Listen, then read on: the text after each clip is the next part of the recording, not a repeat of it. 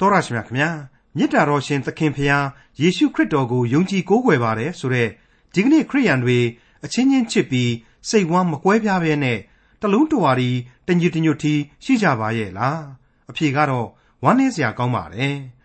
ဒီကနေ့ခရိယန်တွေအများစုဟာအဖွဲ့အစည်းဂိုင်းကနတွေအမျိုးမျိုးနဲ့အကွဲကွဲအပြားပြားရှိနေကြသလိုမညီမညွတ်နဲ့ရှိနေကြပါတယ်ဒါဆိုရင်ခရိယန်တမန်ကျမ်းမှာဖော်ပြထားချက်တွေနဲ့ကိုက်ညီပါရဲ့လား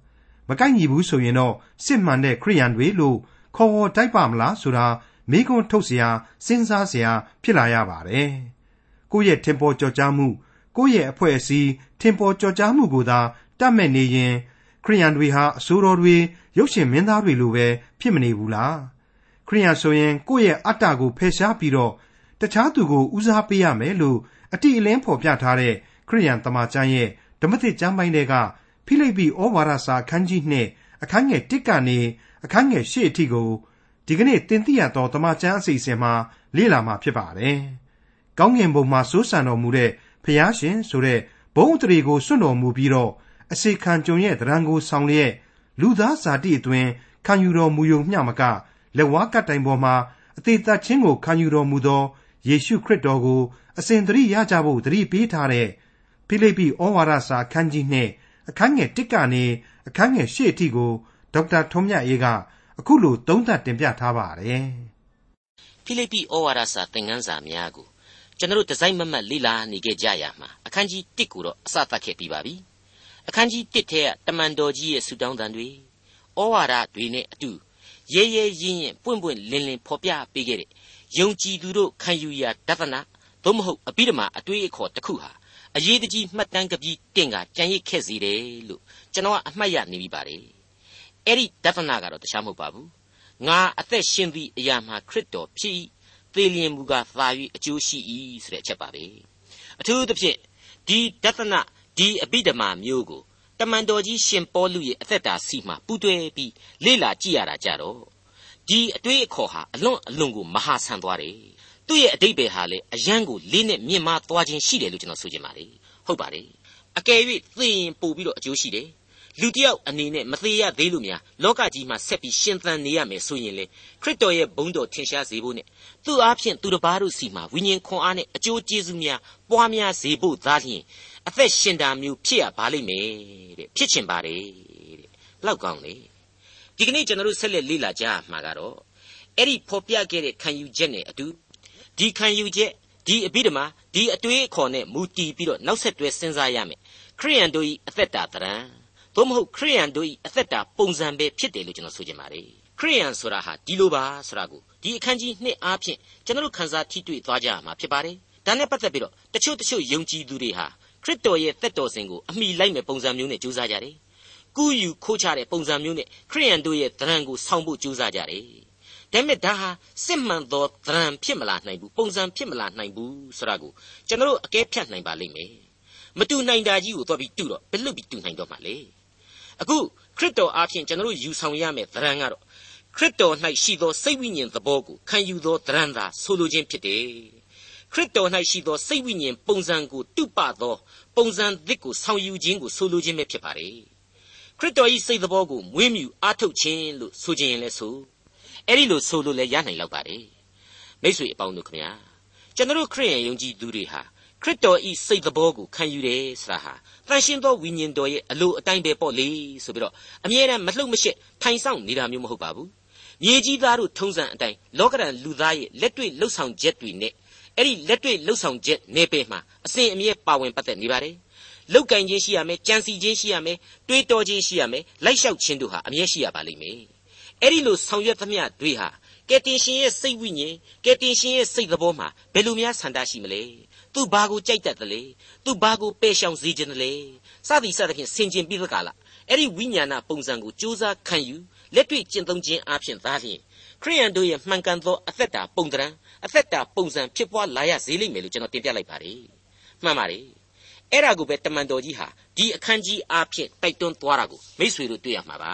မိษွေအပေါင်းတို့ အခုဖိလိပ္ပိဩဝါဒစာအခန်းကြီး2ထဲမှာဆိုရင်လေ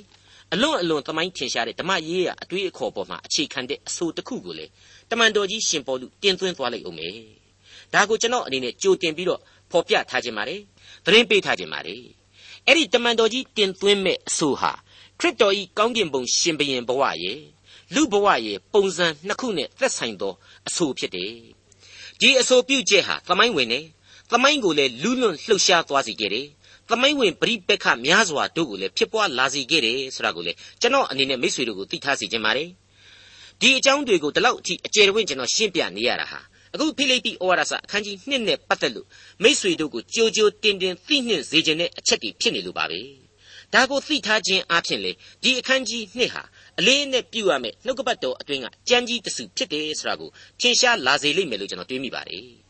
ဖိလိပ္ပိဩဝါဒစာအခန်းကြီး2 အငယ်1နဲ့2ကိုနားဆင်ရင်းနဲ့ဒီကနေ့သင်ခန်းစာကိုစတင်ကြပါစို့ထို့ကြောင့်ခရစ်တော်၌သက်သာခြင်းမေတ္တာနှင့်ဆိုင်သောချမ်းသာခြင်းဝိညာဉ်တော်နှင့်မိသဟာယဖွဲ့ခြင်းတနာစုံမဲ့ခြင်းဒီဟုသောအရာတစ်စုံတစ်ခုရှိလျင်သင်တို့သည်အချင်းချင်းချစ်ကြ၍စိတ်မကွဲပြားပဲတလုံးတဝတည်းကြံစီခြင်းနှင့်တကွာသဘောတညီတညွတ်တီရှိသောအဖြစ်ငါဝမ်းမြောက်เสียအကြောင်းကိုစုံလင်စေကြလော့တမန်တော်ကြီးဟာယောမမြို့ကအချင်းတောင်တစ်ခုထဲမှာထောင်ချခံနေရပေမဲ့ ခရစ်တော်၌အစဉ်ဝမ်းမြောက်ခြင်းရှိနေပြီးသားဖြစ်တယ်အဲ့ဒီလိုဝမ်းမြောက်ခြင်းရှိစဖြစ်သောသူ့အဖို့ဖိလိပ္ပိအသင်းတော်မှတဆင့်ယုံကြည်သူတိုင်းတို့ဟာခရစ်တော်အဖင်သက်သာခြင်းမေတ္တာနှင့်ဆိုင်သောကြွယ်ဝချမ်းသာခြင်းဝိညာဉ်တော်နှင့်မိတ္တဟာယဖွဲ့ခြင်းသနာစုံမဲ့ခြင်းတို့ရှိရမယ်စိတ်တော်တူညီခြင်းရှိရမယ်တလုံးတဝတည်းရှိကြမယ်ဆိုရင်ပို့ပြီးတော့လဲဝမ်းမြောက်ခြင်းကျေးဇူးတော်ကိုခံစားနိုင်ကြပါလိမ့်မယ်ဆိုတာကိုဒီနေရာမှာဖော်ပြပေးလိုက်ပါတယ်တနည်းဆိုရရင်တော့ စိတ်ဝန်းတွေမကွဲပြားကြပါနဲ့သဘောထားတွေအမြင်တွေကွဲပြားမှုရှိသည့်တိုင်အောင်အချင်းချင်းတညီတညွတ်တီလက်တွဲဆောင်ရွက်ကြခြင်းအပြင်ငါဝမ်းမြောက်เสียအကြောင်းကိုစုံလင်စေကြပါတဲ့အင်မတန်နူးညံ့သိမ်မွေ့စွာနဲ့မေတ္တာရက်ခံလိုက်ခြင်းပါပဲမိတ်ဆွေအပေါင်းတို့ခမညာအသင်းတော်တိုင်းကိုကြည့်လိုက်မယ်ဆိုရင်အဓိကအားဖြင့်အုပ်စုနှစ်ခုကွဲနေကြဖြစ်တယ်လို့ရေပုံရအားဖြင့်ကျွန်တော်ခံယူပါတယ်ဟုတ်ပါတယ်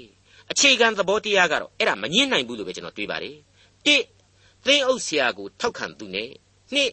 သင်းအုပ်ဆရာကိုဆန့်ကျင်သူဆိုတဲ့အုပ်စုကြီးနှစ်ခုပဲဖြစ်ပါတယ်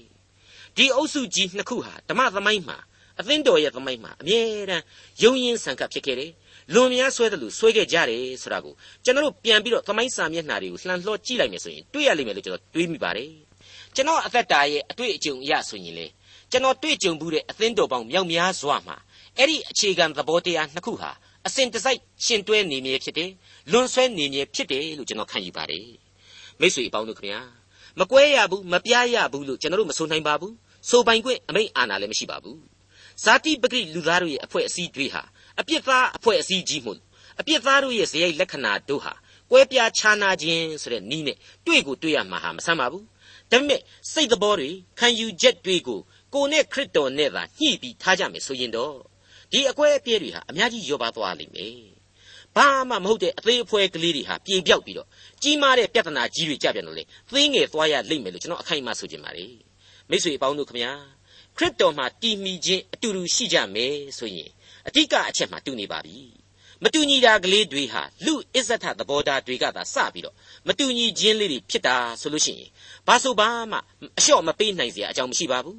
သဘောမညီမမျှဖြစ်စရာတွေ ရန်ဖြစ်နေစရာအကြောင်းတွေမရှိနိုင်တော့ပါဘူးလို့ကျွန်တော်တင်ပြလိုက်ပါရစေ။ဖိလိပ္ပိဩဝါဒစာအခန်းကြီး2အငယ်3ရန်တွေ့လိုသောစိတ်အချီးနှီးကြော်စောကိတ္တိကိုတတ်မဲ့သောစိတ်ရှိ၍အဘယ်အမှုကိုမျှမပြုကြနှင့်။သူတစ်ပါးသည်ကိုယ့်တဲ့သား၍ကောင်းမြတ်သည်ဟုနှိမ့်ချသောစိတ်ရှိ၍တယောက်ကိုတယောက်ထင်မှတ်ကြလော။မိတ်ဆွေအပေါင်းတို့ခမညာ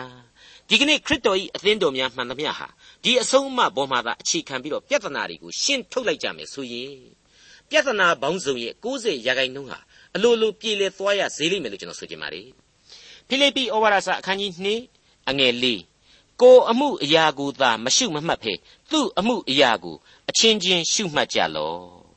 ဘယ်တော့မှတကူကောင်းမဆန်ကြရဘူးဆိုတာကိုပြောလိုက်တဲ့အတူတူပါပဲကိုကိုကိုပဲကိုကြည့်မနေကြပါနဲ့သူများအတွက်လည်းအမြဲဝေမျှစဉ်းစားကြပါတဲ့ အဲ့ဒီခံယူချက်တွေဟာအပြောလွယ်သလောက်လက်တွေ့မှာတော့အလွန်ခက်လိမ့်မယ်လို့ကျွန်တော်ထင်ပါတယ်ကိစ္စမရှိပါဘူးခရစ်တော်၌သာအမှန်တကယ်တည်မီတဲ့အသက်တာဆိုရင်အကြီးအကျယ်ခက်ခဲလိမ့်မယ်မဟုတ်ပါဘူးအဲ့ဒီလိုပဲကျေပြန့်သောမေတ္တာသဘောကိုဖော်ပြလာပါလိမ့်မယ်ဖိလိပ္ပိဩဝါဒစာအခန်းကြီး2အငယ်9ယေရှုခရစ်၌ရှိသောထိုစိတ်သဘောကိုသင်တို့၌လည်းရှိစေကြလော့ကဲအထက်ကကျွန်တော်ပြောပြခဲ့တဲ့သင်ခန်းစာတွေဟာ အများအတွက်အများအတွက်ဆိုပြီးတော့ခြုံငုံခေါင်းစဉ်ပေးလို့ရတယ်အခုအခန်းငယ်9ဟာတော့အဲ့ဒီလိုအများအတွက်ဆိုတဲ့စိတ်ဓာတ်ဟာယေရှုခရစ်ဤစိတ်ဓာတ်ပဲတဲ့အဲ့ဒီလိုအများအတွက်အသက်ရှင်တော်မူတဲ့သခင်ရဲ့စိတ်သဘောကိုရှိအောင်သင်တို့ကြိုးစားကြပါဆိုပြီးတော့အခုဩဝါဒစာမှာဖော်ပြသလိုအေဖက်ဩဝါဒစာအခန်းကြီး၄အငယ်1မှ3အတွင်းမှာကြည့်လိုက်မယ်ဆိုရင်တမန်တော်ကြီးရှင်ပေါလုဟာပဲအခုလိုအဆုံးအမပြုတ်ခဲ့တယ်ဆိုတာကိုတွေ့ရပါလိမ့်မယ် အေဖက်ဩဝါဒစာအခန်းကြီး၄အငယ်1မှ3ခေါ်တော်မူခြင်းကျေးဇူးတော်ကိုသင်တို့သည်ခံရသည်နှင့်အထိုက်လျောက်ကျင့်ဆောင်မိအကြောင်းသခင်ဖျားအတွက်ကြောင့်အကျဉ်းခံရသောငါသည်သင်တို့ကိုတိုက်တွန်းနှိုးဆော်ပါ၏အရာရာ၌စိတ်နှိမ်ချခြင်းနူးညံ့သိမ်မွေ့ခြင်းစိတ်ရှည်ခြင်းနှင့်ပြည့်စုံသဖြင့်မေတ္တာစိတ်နှင့်တယောက်ကိုတယောက်သီးခံခြင်းရှိကြ၍အသင်အတင့်ပေါင်းဖော်ခြင်းအဖွဲ့အစည်းအားဖြင့်သင်တို့သည်အချင်းချင်းစိတ်သဘောမချမနာတလုံးတဝတည်းဖြစ်အံ့သောငါ ကြိုးစားအားထုတ်ကြလော့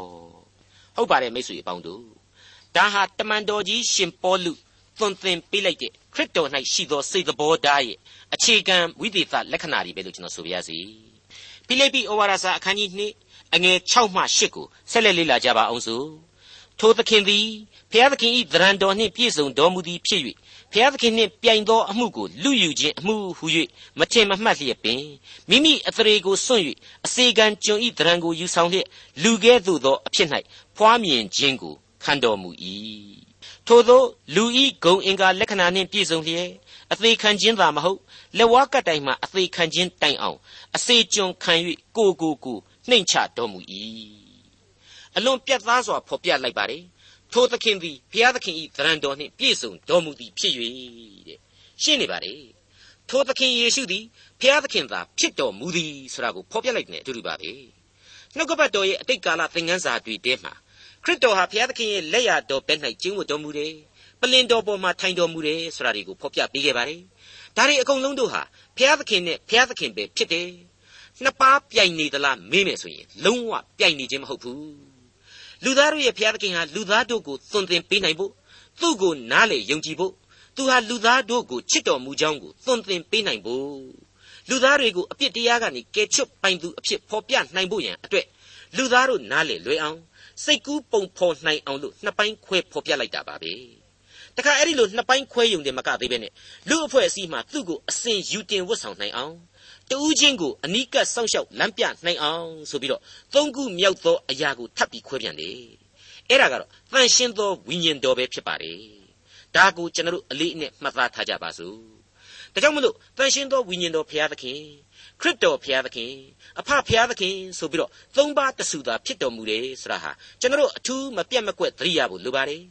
ကျေးဇူးတော်ဟာအလွန်ကြီးမားလှပါတယ်မိษွေတို့ကျွန်တော်တို့ကိုဖန်ဆင်းပိုင်သားအုပ်စိုးသူဟာ ကျွန်တော်တို့နှလုံးသားထဲမှာထားလို့ရတယ်နှလုံးသားတကားဝမှာရှိတယ်ကျွန်တော်တို့ကပြေးဝင်ခိုးလုံလို့လည်းရနိုင်တယ်လို့ကျွန်တော်တို့ဟာဤအမျိုးစုံနဲ့ကျေးဇူးတော်ကိုခံစားရပါတယ်ဤအမျိုးစုံနဲ့ဘုရားသခင်ရဲ့ဝိညာဉ်တော်ဟာအလွန်နိစ္စထိကပ်လျက်ရှိနေပါတယ်အဲ့ဒီလိုသခင်ခရစ်တော်သည်ဘုရားသခင်၏သရံတော်နှင့်ပြည့်စုံတဲ့အတွက်ဘုရားသခင်နှင့်ပြိုင်သောအမှုကိုလူယူခြင်းအမှုဟူ၍မထင်မမှတ်လျက်တဲ့အဲ့ဒီလိုဆက်ပြီးဖော်ပြပါတယ် ဒါဟာအနည်းငယ်နားထွေးနိုင်တဲ့တကြောင်ကျွန်တော်အကျယ်တွင်ရှင်းနေပါလေဘာဖြစ်လို့ကယ်တင်ရှင်သခင်ခရစ်တော်အနေနဲ့ဒီမြေလောကကိုလူစားတိခံယူပြီးတော့လူသားတွေကိုကယ်တင်ဖို့ဆင်းလာတဲ့နေရာမှာဘုရားသခင်ကိုပြန်ရဆိုင်ရများရောက်သလားဆိုပြီးတော့ငါဟာတွေးမနေဘူးထင်မနေဘူးဆိုပြီးတော့တမန်တော်ကြီးဖော်ပြတယ်လေရှင်းနေပါလေဘာကြောင့်တွေးမနေထင်မနေသလဲဆိုတော့တွေးเสียထင်เสียဘာမှမလိုဘူးသူကိုယ်တိုင်ဟာဘုရားသခင်ကိုတော်တိုင်ဖြစ်နေလို့ပဲပေါ့အဖြေဟာပြတ်သားရှင်းလင်းလို့သာပါလေ မိမိအသရေကိုစွန့်၍တဲ့ဒါဟာအကုန်ခွာချ၍ဆိုတဲ့အတိတ်ပဲဖြစ်ပါတယ် Greek ဝေါ်ဟာရအရာ kino လို့ဆိုပါတယ်အဲ့ဒီစွန့်ခွာခြင်းအပေါ်မှာအယူသီးထန်စွာနဲ့ kenosis theory ဆိုတဲ့အတွေးအခေါ်အယူဆကြီးဟာအတော်ကြီးကိုကြီးမားစွာတိုးတက်လာခဲ့ပါတယ်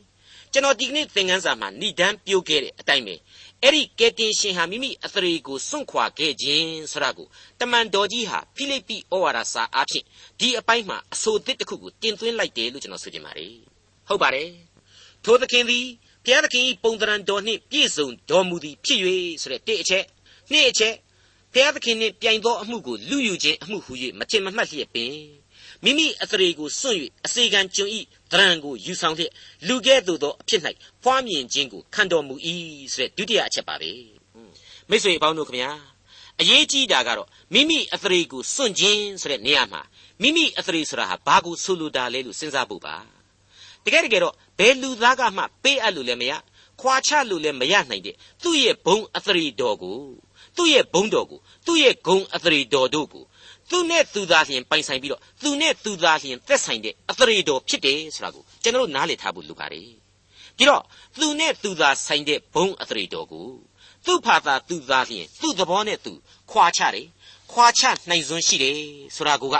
သူ့ရဲ့ထူးခြားသောလူသားတို့မတွေးမဆနိုင်တဲ့ဘုံအသရေတစ်ခုအနန္တစွန်းအားတစ်ခုဖြစ်နေပြီသူပြုခြင်းနဲ့ကယ်တင်ခြင်းကျေးဇူးအတွက်သူ့ဖာသာသူလုံလောက်အောင်ကြည့်ပြီးတော့သူ့ဟာသူစွန့်ခွာခြင်းဖြစ်တယ်ဘယ်အတိုင်းအတာအထိစွန့်ခွာခြင်းလဲဆိုတာကိုတော့ဘယ်သူမှမသိနိုင်ဘူးဆိုတာကိုကျွန်တော်နားလည်ခံယူထားဖို့လိုပါတယ်ဟုတ်ပါတယ်အလွန်အလွန်နည်းနည်းသောသူ့အမှုတော်သာဖြစ်လို့ကျွန်တော်ကကွန်ပျူတာနဲ့သွားတွက်လို့မရနိုင်ပါဘူး တကမ္ဘာလုံးကထိတ်တန်းဓမ္မဝိဇ္ဇာကြီးတွေကိုစုပေါင်းပြီးတော့ညီလာခံပြီးတော့အဖြေထုတ်လို့လည်းမဖြစ်နိုင်ပါဘူးမိတ်ဆွေတော်တတ်ရှင်အပေါင်းတို့ခမညာအခုလိုရေဒီယိုလေလှိုင်းသံကနေပြီးတော့ဟောနေပြောနေရတယ်ကျွန်တော်အဖို့ဆိုရင်ဖြစ်နိုင်ရင်တော့အခုလိုဘုရားသခင်ရဲ့ဘုံအသရေတော်ကိုစွန့်တယ်ဆိုတာကိုသူ့ရဲ့စွန့်လွတ်ခြင်းရဲ့အတိုင်းအတာကိုအလျားအနံအ내အမြင့်စသည်ဖြင့်တိတိကျကျကျွန်တော်သိပြီးတော့ပြောပြနိုင်စွမ်းရှိခြင်းလွန်းလာပါလေ ဘယ်နည်းနဲ့မှမဖြစ်နိုင်တဲ့အလျောက်ဆူတောင်းလို့သာလျှင်ကြိုးစားတင်ပြသွားမှာပါမိษွေတို့အနေနဲ့လည်းဒီလိုဘုံအသရေတော်ကိုစွန့်၍အစေခံကျွန်းဤဒရံကိုဆောင်ယူတယ်ဆိုတာဟာတိုင်းပြည်ကခေါင်းဆောင်သမရာကြီးတယောက်ကနေပြီးတော့ရုပ်ဖြတ်ပြီးတော့လူမသိသူမသိဆင်းရဲသားရက်ွက်တစ်ခုတည်းမှာသွားပြီးတော့လေ့လာတဲ့အဆင့်လားလက်ဖက်ရည်ဆိုင်လေးတစ်ဆိုင်မှာရုပ်ဖြတ်ပြီးတော့ဇပွဲတို့ဝင်လုတဲ့အဆင့်လားစသည်စသဖြင့်တွေးကြမှာပဲစဉ်းစားကြမှာပဲလို့ကျွန်တော်ထင်မိပါတယ်ကောင်းပါပြီ အဲ့ဒီလိုကယ်တင်ရှင်ရဲ့နှိမ့်ချစွာနဲ့ဘုံအသရီတော်ကိုစွန့်ပြီးတော့မြေပေါ်ကိုဆင်းသက်ခြင်းအကြောင်းကိုအခိုင်အမာနားလည်နိုင်ဖို့ရန်အတွက်အဆင့်9ဆင့်ခွဲပြီးတော့စဉ်းစားကြည့်ကြပါစို့၁ကယ်တင်ရှင်သည်ဤလောကသို့ဂျေနတ်အားရစွာနှင့်ဘုရားသခင်အလိုတော်ကိုဝန်ခံ၍ဝမ်းမြောက်ပျော်ရွှင်စွာဆင်းသက်ခဲ့ခြင်းဖြစ်တယ်ဆိုတာကိုကျွန်တော်ပနာမပြောလိုပါတယ်ဟေဘရဲဝါဒစာအခန်းကြီး7အငယ်1အရာအခုလိုကျွန်တော်တို့တွေ့နိုင်ပါတယ်ထိုသခင်သည် မိမိရှေ့၌ထားသောဝမ်းမြောက်ခြင်းအကြောင်းကြောင့်ရှက်ကြောက်သောအရာကိုမမှတ်ဖဲလက်ဝါးကပ်တိုင်၌ခံပြီးမှဆိုပြီးတော့ဖော်ပြထားခြင်းပါပြီးတဲ့နောက်မှာတော့ဟေဘရဲဝါဒစာအခန်းကြီး30အငယ်9မှ10ကိုဆက်ဖတ်ကြည့်မယ်ဆိုရင်အခုလိုတွေ့နိုင်ပါလိမ့်မယ်ထို့ကြောင့်ခရစ်တော်သည်ဤလောကသို့ကြွလာသောအခါအိုဖျားသခင်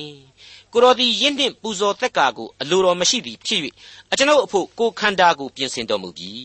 မိရှုရာယင်းနှင့်အပြစ်ဖြေရာယင်းများကိုအာရနှစ်သက်တော်မမူသောအခါကျမ်းစာလိမ့်၌အကျွန်ုပ်ကိုအမှတ်ပြု၍ရေးထားသည်နှင့်အညီအကျွန်ုပ်သည်ကိုတော်၏အလိုကိုဆောင်အပ်သောငါသွားပါမည်ဟုအကျွန်ုပ်ဝန်ခံပါသည်ဟုလျှောက်ဆို၏ပြည့်ညက်တရားအတိုင်းပြုရသောဝတ်ကိုရည်ဆောင်လျက်ခရစ်တော်ကမိရှုရာရစ်အပြစ်ဖြေရာရစ်အဆရှိသောရစ်များနှင့်ပူဇော်သက်ကာများတို့ကိုကိုတော်သည်အလိုတော်မရှိ အာရနှစ်သက်တော်မူဟုအထက်ကဆိုနှင့်ပြီးမှတဖန်တုံအိုဖျားသခင်အကျွန်ုပ်သည်ကိုရော၏အလိုကိုဆောင်အပ်သောငါသွားပါမည်ဟုဆိုသည်တွင်ဒုတိယဝတ်ကိုတည်စေခြင်းဟာပထမဝတ်ကိုပယ်၏ထိုအလိုတော်နှင့်အညီယေရှုခရစ်ကိုတော်ကိုတခါတည်းပူဇော်သောအဖြစ်ငါတို့သည်စင်ကြယ်ခြင်းသို့ရောက်ကြ၏ဒီတော့ကယ်တင်ရှင်သခင်ခရစ်တော်ရဲ့မြေပေါ်ကိုဆင်းသက်ကြွလာခြင်းဟာဘုရားသခင်ရဲ့အလိုတော်နဲ့အညီအညွတ်ဖြစ်တယ် လူသားတို့နားမလည်နိုင်တဲ့ကောင်းကင်ဘုံအဖဘုရားသခင်ရဲ့အလုပ်ဖြစ်တယ်ဒီအလုပ်အားဖြင့်လေကျွန်တော်တို့ဘာမှအတိအကျနားမလည်ပါဘူးခင်ဗျာဆိုပြီးတော့နဝေတိန်တောင်ရောင်တောင်တောင်ပေါင်တောင်ဖြစ်နေရသူကျွန်တော်တို့လူသားတို့အတွက်ကျွန်တော်တို့အတွက်အကျိုးကျေးဇူးလည်းဖြစ်စေတယ်ဆိုတာကိုနားလည်လာစေဖို့လိုပါတယ်အဓိကအားဖြင့်ကတော့ကျွန်တော်ဖော်ပြခဲ့တဲ့တစ်အချက်သေးကကယ်တင်ရှင်သည်ဤလောကသို့လူစားတိကိုခံယူကြွဆွင်းခြင်းအတွေ့ကိုတော်တိုင်ကျေနပ်အားရတော်မူသည် ဝမ်းမြောက်ဝမ်းသာစွာဖြင့်သူ့အသရေကိုအလိုတော်နှင့်အညီစွန့်ပစ်ခဲ့ခြင်းဖြစ်တယ်လူစားတိကိုခံယူခဲ့ခြင်းဖြစ်သည်ဆိုတာကိုနားလည်ထားဖို့လိုပါတယ်နှစ်အစဉ်အမြဲဖျားသခင်ဖြစ်သောသခင်ယေရှုသည်ဘုံအသရေတော်ကိုစွန့်သည်ဆိုရ၌ဖျားဖြစ်ခြင်းကိုစွန့်သည်မဟုတ်ကောင်းကင်ဘုံစည်းစိမ်ကိုစွန့်ခြင်းသာဖြစ်သည်ဆိုတဲ့ဒုတိယအချက်ကိုတွေ့ရအောင်ပါပါဟုတ်ပါတယ်သူငယ်တော်ယေရှုသည်အမေရင်ခွင်မှရှိစဉ်၌ဘုံတကိုးတော်နှင့်ပြည့်စုံတကယ်သို့ ကားတိုင်တော်ပေါ်တွင်လည်းဘုံတကိုးတော်ရှိသည်သို့တော်မိမိအသရေလို့ခေါ်ဆိုနိုင်တဲ့ဘုံစည်းစိမ်အဆောင်အယောင်များကိုမူစွန့်ခွာထားသည်ဆိုတဲ့အချက်ကိုနားလည်နိုင်ပါတယ်ဟုတ်ပါတယ်အကယ်စင်စစ်သူ့ကိုမွေးဖွားတဲ့အချိန်မှာသိုးရင်းတစုတည်းမကတလောကလုံးကလူသားတွေအကုန်လုံးဖူးမြော်ဖို့အထိကဲ့တင်ရှင်ဟာထိုက်တန်ပါတယ်ဒါပေမဲ့ဒါကိုသူလက်မခံခဲ့ပါဘူးညှင်းပယ်ခဲ့ပါတယ်ကပ္ပအရှိအရက်ကပညာရှိကြီးတွေသုံးပါးရဲ့အစား ကပ္ပအရက်ရှစ်မျက်နှာကပညာရှိတွေအကုန်လုံးလာရောက်ဖူးမြော်တိုက်တယ်ဒါပေမဲ့သူညှင်းပယ်ခဲ့တယ်ယေရုရှလင်မြို့တော်ကြီးကဗိမာန်တော်မှာဥဆောင်နေတဲ့ဘုရားသခင်ကိုယုံကြည်ပါတယ်ဆိုတဲ့ပြည့်ညတ်တော်သမားပုဂ္ဂိုလ်ကြီးတွေအကုန်လုံးဟာလေဘက်လင်ကိုသွားရောက်ဖူးမြော်ကြရမှာသာဖြစ်တယ်ဒါကိုလည်းသူညှင်းပယ်ထားခဲ့တယ်အဲ့ဒါဟာသူနဲ့ထိုက်တန်တဲ့အခမ်းအနားတွေကိုစွန့်ပစ်ပြီးတော့သူ့ရဲ့အသရေကိုစွန့်ခြင်းနောက်တစ်ချက်ဖြစ်တယ်လို့ကျွန်တော်ဆိုချင်ပါတယ်။၃ နောက်ထပ်တွေ့ရတဲ့အချက်ကတော့အစေခံကျွန်ဤသဏ္ဍာန်ကိုဆောင်ယူခြင်းတဲ့မှန်ပါတယ်။အခမ်းအနားအဆောင်အယောင်ကိုခွာထားတဲ့ယေရှုတနည်းအားဖြင့်ကောင်းကင်ဘုံအသရေကိုတမင်ခွာချထားသူယေရှုဟာနာဇရက်မြို့ကအညတရလက်သမားကလေးအနေနဲ့နာဇရက်နဲ့တကွဂါလိလဲနယ်တစ်ခုလုံးကလူတွေခိုင်းသမျှစေသမျှတွေကိုလိုက်ပြီးတော့လှုပ်ပေးခဲ့ရလိမ့်မယ်အမေမာရိနဲ့လောကဖခင်ယောသတ်နဲ့လောကဆိုင်ရာညီဝန်းခွဲညီမဝန်းခွဲကလေးတွေထမင်းနှက်မှန်ဖို့ နဖူးကချွေခြေမကြအောင်လို့လောကရဲ့တာဝန်တွေကိုသူဟာပင်ပန်းထမ်းဆောင်ခဲ့လိမ့်မယ်ယောသတ်ဟာသိပ်ပြီးတော့အသက်မရှိရှာဘူးလို့ဓမ္မသမိုင်းအရာကျွန်တော်တို့ခံမှန်းပါတယ်ဒီတော့ယေရှုဟာလောကတာဝန်တွေကိုမာရိရဲ့သားကြီးတယောက်အနေနဲ့အလွန်ပင်ပန်းစွာလောက်ကင်ဆောင်ရွက်ပေးခဲ့လိမ့်မယ်လို့ကျွန်တော်တို့ယူဆနိုင်ပါတယ်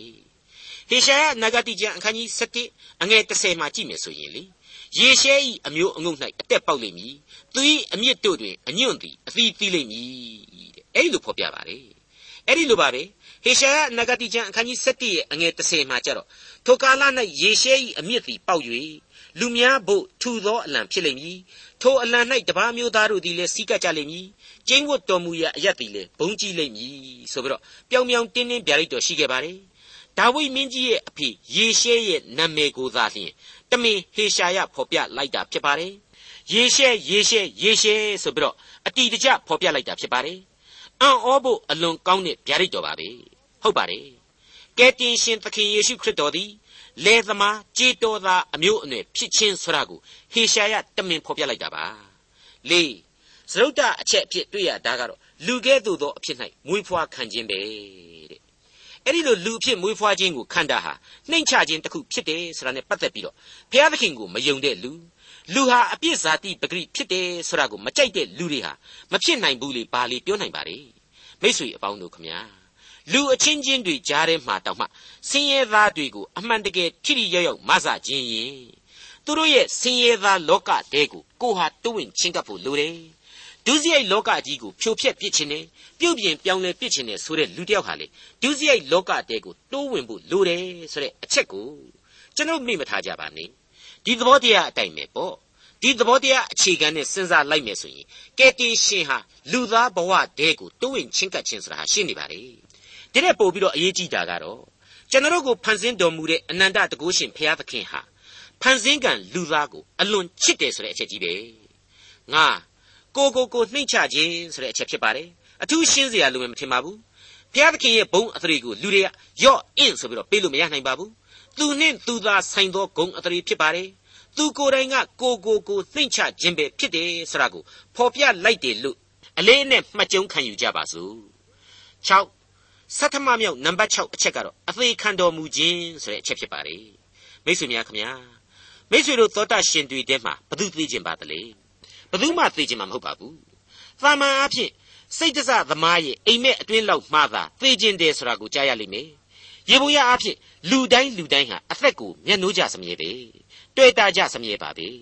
အခုဖိလိပ္ပိဩဝါဒစာကိုရေးနေတဲ့တမန်တော်ကြီးဘင်းဖြင့်ဖြစ်နိုင်ရင်တော့အမှုတော်ကိုဆောင်ပေးရစေအောင်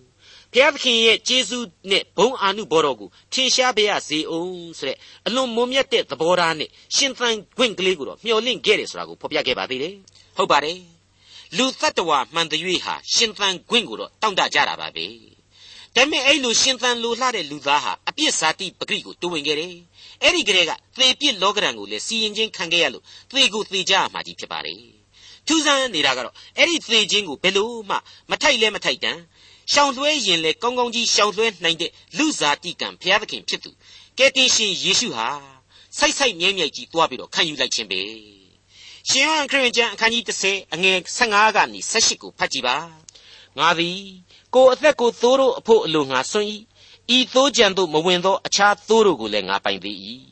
ထိုသိုးတို့ကိုငါဆောင်ခဲ့ရမည်သူတို့သည်လည်းငါစကားသံကိုနားထောင်သဖြင့်သိုးကြံတစ်ခုသိုးဒိန်တစ်ပါးတည်းရှိရလိမ့်မည်ငါသည်ကိုယ်အသက်ကိုစွန့်၍နောက်တဖန်ယူဦးမည်ဖြစ်သောကြောင့်ငါခမည်းတော်သည်ငါကိုချစ်တော်မူ၏ငါအသက်ကိုအဘယ်သူမျှမလူမယူကိုအလိုအလျောက်ငါစွန့်၏ကိုအသက်ကိုစွန့်ရသောအခွင့်နှင့်နောက်တဖန်ကိုအသက်ကိုယူပြန်ရသောအခွင့်သည်ငါ၌ရှိ၏ထိုအခွင့်ကို ခမည်းတော်သည် ပေးတော်မူပြီဟု မိန့်တော်မူ၏ရှင်းနေပါပြီသူ့အသက်ကိုသူကိုယ်တိုင်စွန့်ခြင်းသာဖြစ်ပါတယ်ကျွန်တော်မိษွေတို့ရဲ့သမိုင်းချီ၍တည်နေသောသေခြင်းအပြစ်ဒဏ်ကနေပြီးတော့ကိုစားကံမေတ္တာများစွာနဲ့အသက်ကိုစွန့်ခဲ့ခြင်းပဲဖြစ်ပါတယ်ကျွန်တော်ကိုလောကရန်သေခြင်းကနေလွတ်ကင်းပြီးတော့သာဝရအသက်ကိုပေးဖို့ရန်အတွက်အသက်ကိုစွန့်ခဲ့ခြင်းပဲဖြစ်ပါတယ်ခင်ဗျာခုနှစ်အသေးခံဖို့ရန်ကားတိုင်ကိုရွေးချယ်ခြင်းဆိုတဲ့အချက်ဖြစ်ပါတယ် မိတ်ဆွေအပေါင်းတို့ကားတိုင်တော်ဆရာဟာအတိတ်သမိုင်းမှာကလေးကကြိမ်ချင်းကိုခံရသူတို့အတွက်သာလျှင်သတ်မှတ်ထားတဲ့အသေးခံရတစ်တိုင်ဖြစ်ပါတယ်အလွန်ရှက်ကြောက်ဖွယ်ရာရာဇဝတ်သားတို့နောက်ဆုံးအသေးခံရအရက်လည်းဖြစ်ပါတယ်ဒီအရက်ကိုမှကဲတင်ရှင်ဟာတမင်ရွေးချယ်ခဲ့ပါတယ်ဟုတ်ပါတယ်လောကတစ်ခုလုံးရဲ့သမိုင်းတည်ခဲ့ရာအပြည့်အညစ်အကြေးတွေအားလုံးကိုသူဟာပြေပြောက်စေဖို့ပီပီပြင်းပြင်းအသေးခံပေးခဲ့တာပါအထက်ကဖိလိပ္ပိဩဝါဒစာအခန်းကြီး2 အငယ်၄မှာရှင်းရှင်းကြီးဖော်ပြခဲ့ပြီးပါပြီယေရှုရဲ့စိတ်သဘောဟာကိုယ့်အမှုအရာတဲ့သူများအမှုအရာကိုရှုမှတ်တတ်တယ်ဆိုတဲ့အချက်အထူးရှင်းပြနေစရာမလိုတော့ဘူးအလွန်ခိုင်ကန့်တဲ့အသေးခံတော်မူခြင်းကျေးဇူးအဖြစ်သက်သေထူလိုက်ပြီးဖြစ်ပါတယ်ဖော်ပြခဲ့တဲ့အချက်တွေအကုန်လုံးဟာကယ်တင်ရှင်သခင်ခရစ်တော်ရဲ့စိတ်သဘောထားဟာဘလောက်ထိနှိမ့်ချခြင်းရှိတယ်ဆိုတာကိုဖော်ပြရှင်းလင်းပေးနေပါတယ် ပြီးတဲ့နောက်မှာတော့ကယ်တင်ရှင်တရားကိုပေးသနာဖို့သူဟာဘုံအသရေကိုသူကိုယ်တိုင်စွန့်ခွာပြီးတော့လူစားတီကိုခံယူတယ်ပြီးတဲ့နောက်တော့ကားရိုင်တော်ပေါ်မှာအသက်တော်ကိုစွန့်ပြီးတော့အပြစ်သမိုင်းအတွက်ကိုကိုကိုပူဇော်ခဲ့ခြင်းဖြစ်တယ်ဆိုတာဒီကိုကျွန်တော်အခိုင်အမာနားလည်နိုင်အောင်သွန်သင်ပေးလိုက်တဲ့အချက်တွေဖြစ်တယ်လို့ကျွန်တော်ဆိုချင်ပါတယ်သောတာရှင်အပေါင်းတို့မိမိဘုံအတရေကိုမိမိကိုယ်တိုင်စွန့်နိုင်လို့စွန့်တယ်